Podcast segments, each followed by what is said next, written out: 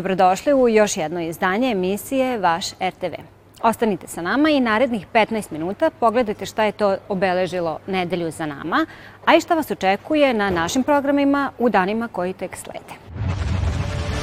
Taktons je završen, a u kategorijama radiodrama i dokumentarnog programa nagrađene su naše kolege sa radija Aleksandar Marković i Milorad Ićitović. Oni su danas naši gosti.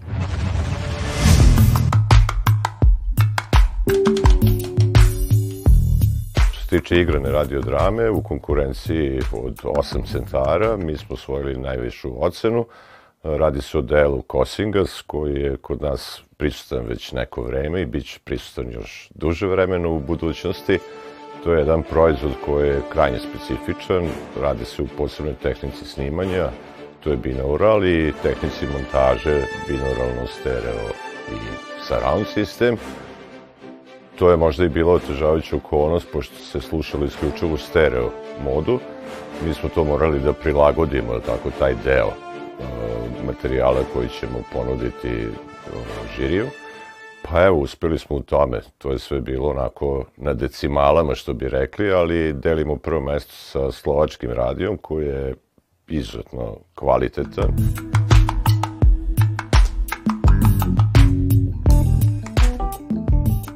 Na ovom taktosu, pored igrane radiodrame, sa kolegom Markovićem koji smo osvojili prvo mesto, sa Kosingesom, osvojio sam u dokumentarnoj radiodrami sa, sa delom od koleginice Aleksandre Bučko.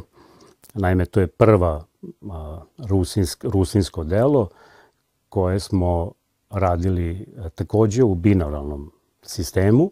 Mi smo to digli na na viši nivo nego što, je, bi, nego što smo ga imali dole u, u staroj zgradi.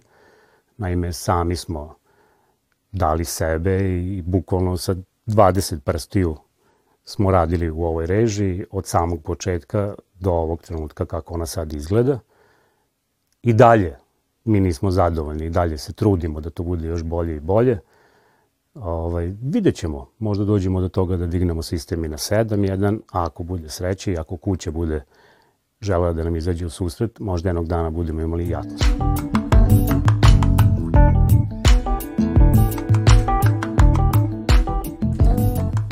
Bili smo zadovoljni, zastupljeno je puno radijskih kategorija, tačnije 12, jedna televizijska, nešto manje snimaka nego 2019. godine, ali kvalitet je ostao čak i na više nivou, baš vidimo po ocenama. Svaki taktos je u stvari jedan mali, za nas, seminar.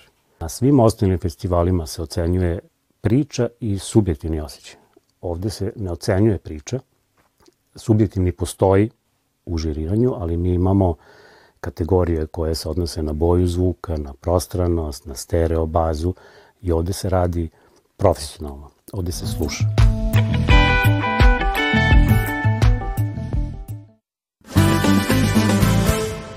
I ove jeseni na našem prvom programu imate priliku da gledate emisiju Pravi ugao, a šta vas to očekuje, razgovarali smo sa autorkom Ljubicom Gojkić.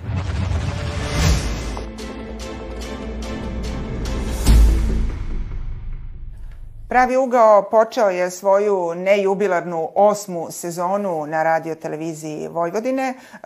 Ove godine iz novog prostora, iz novog studija u kome se e, i sada nalazimo. Ja se nadam da vam se e, dopada. Ova osma e, sezona nastavlja praktično tamo gde je, gde je završena, gde je završena sedma i gde su završene sve prethodne.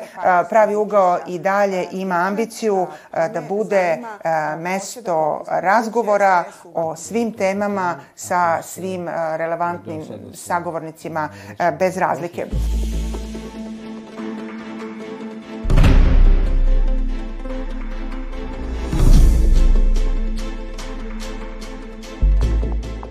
Ova osma sezona zapravo počela je u okolnostima u kojima imamo novi parlament i novu vladu, pa pravi ugao sebi postavlja jedan, jedan zadatak da među prvim gostima ove sezone budu ministri iz onih ministarstava i resora čiji su nas ministri um, u prethodnih sedam sezona uh, uspešno, uspešno izbegavali. Uh, jedno takvo ministarstvo, um, postavljajući saradnju na novi osnov, uh, otvaramo, uslovno rečeno, već sledeće nedelje.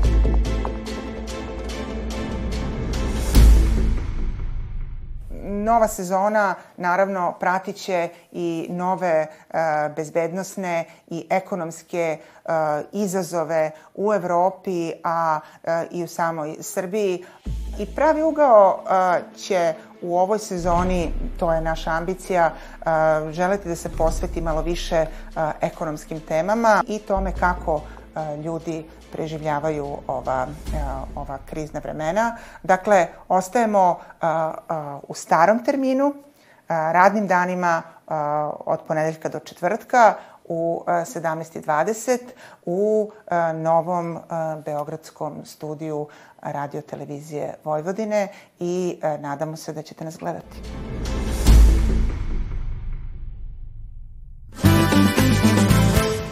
Do sada ste u našoj emisiji imali prilike da se upoznate sa emisijom na makedonskom jeziku koja se emituje na televiziji, a ovoga puta upoznajemo sa emisijom koju možete slušati na našem trećem programu radija, a zove se Makedonija.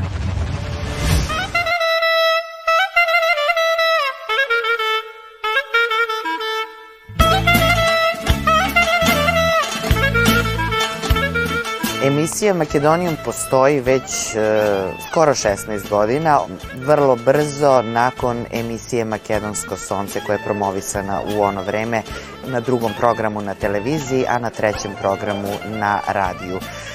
Emisija Makedonijum je kolažnog tipa e, i ja najviše volim da se fokusiram na kulturu, na umetnost, naravno obuhvatim sve ono što je bitno za mm, Makedonce koje, e, koji žive ovde u Srbiji, u Vojvodini, međutim obuhvatam i sve ono što je bitno za Makedonce u svetu.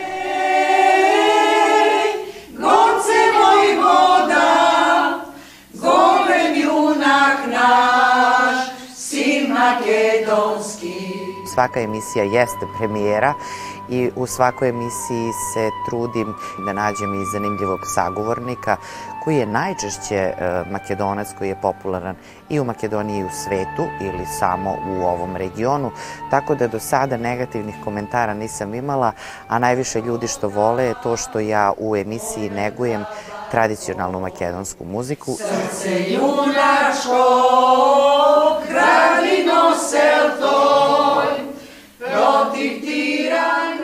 Teme je vrlo lako pronaći. Nekad je teže naći sagovornika za određenu temu, ali zaista do sada uh, u ovih skoro 16 godina ja ni jednom nisam imala problem i da nađem sagovornika i da nađem temu i da obrađujem neke teme koje su, ajmo reći, možda i uh, nepravedno zapostavljene u medijima, posebno ovde gde mi imamo samo jedan program na makedonskom jeziku, odnosno pola sata nedeljno na makedonskom jeziku i onda u ovih preko 800 emisija do sada, u ovih uh, skoro 17 godina, zaista smatram da sam uspela da obradim mnoge teme. Dotakla sam se i politike, ponekad, ponekad i ekonomije, socijalnih pitanja, međutim, kao što sam rekla, najviše volim da se bavim kulturom, muzikom, umetnošću, onim što je lepo. Ja, pa će se vrati. Imali smo priliku na Kolarcu da prosledimo koncert velikana Vlatka Stefanovskog i jedinu makedonsku instituciju, nacionalnu instituciju Tanec, koja neguje makedonsku tradicionalnu nošnju, muziku, pesmu i tako dalje. Što se tog dela tiče, uvek može više i uvek imamo šta da ponudimo.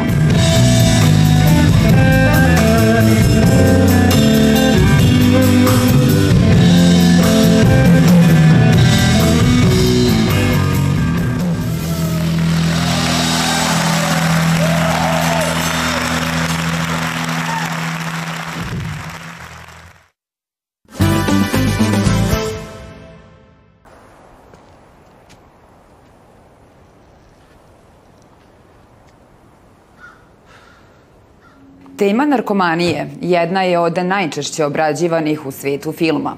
Mnogo puta do sada reditelji širom sveta bavili su se ovom tematikom u okviru raznih žanrova.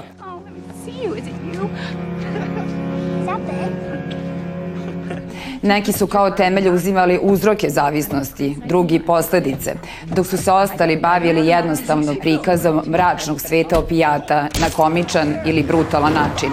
Ovo je tema i filma Ben se vratio.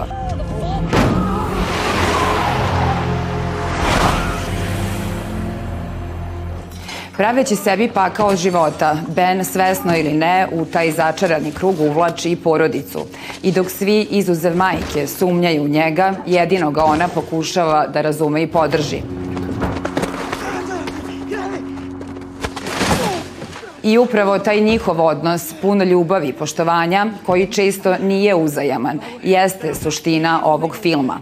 Lik majke tumači velika Julia Roberts, a Bena glumi Lucas Hedges, verovatno najtalentovaniji mladi glumac Hollywooda. Oh, oh hey, Miss B. Long time.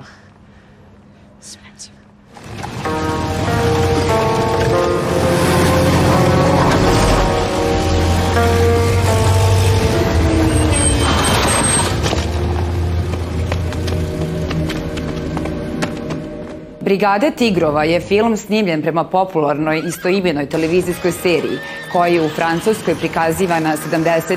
i 80. godina, a koja je snimljena prema pravoj policijskoj jedinici koja je delovala u to vreme.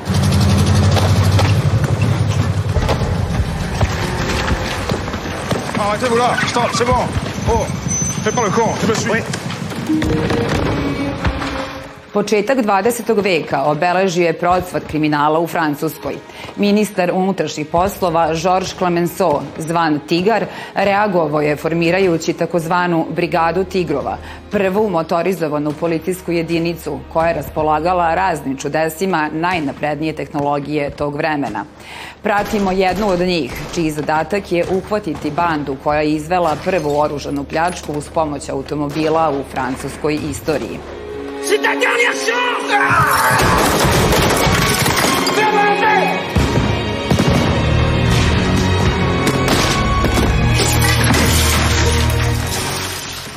Okupljajući talentovanu glumačku ekipu, film se bavi mnogim stvarnim istorijskim zapletima i likovima, a 2007. godine nominovan je za nagradu Cezar.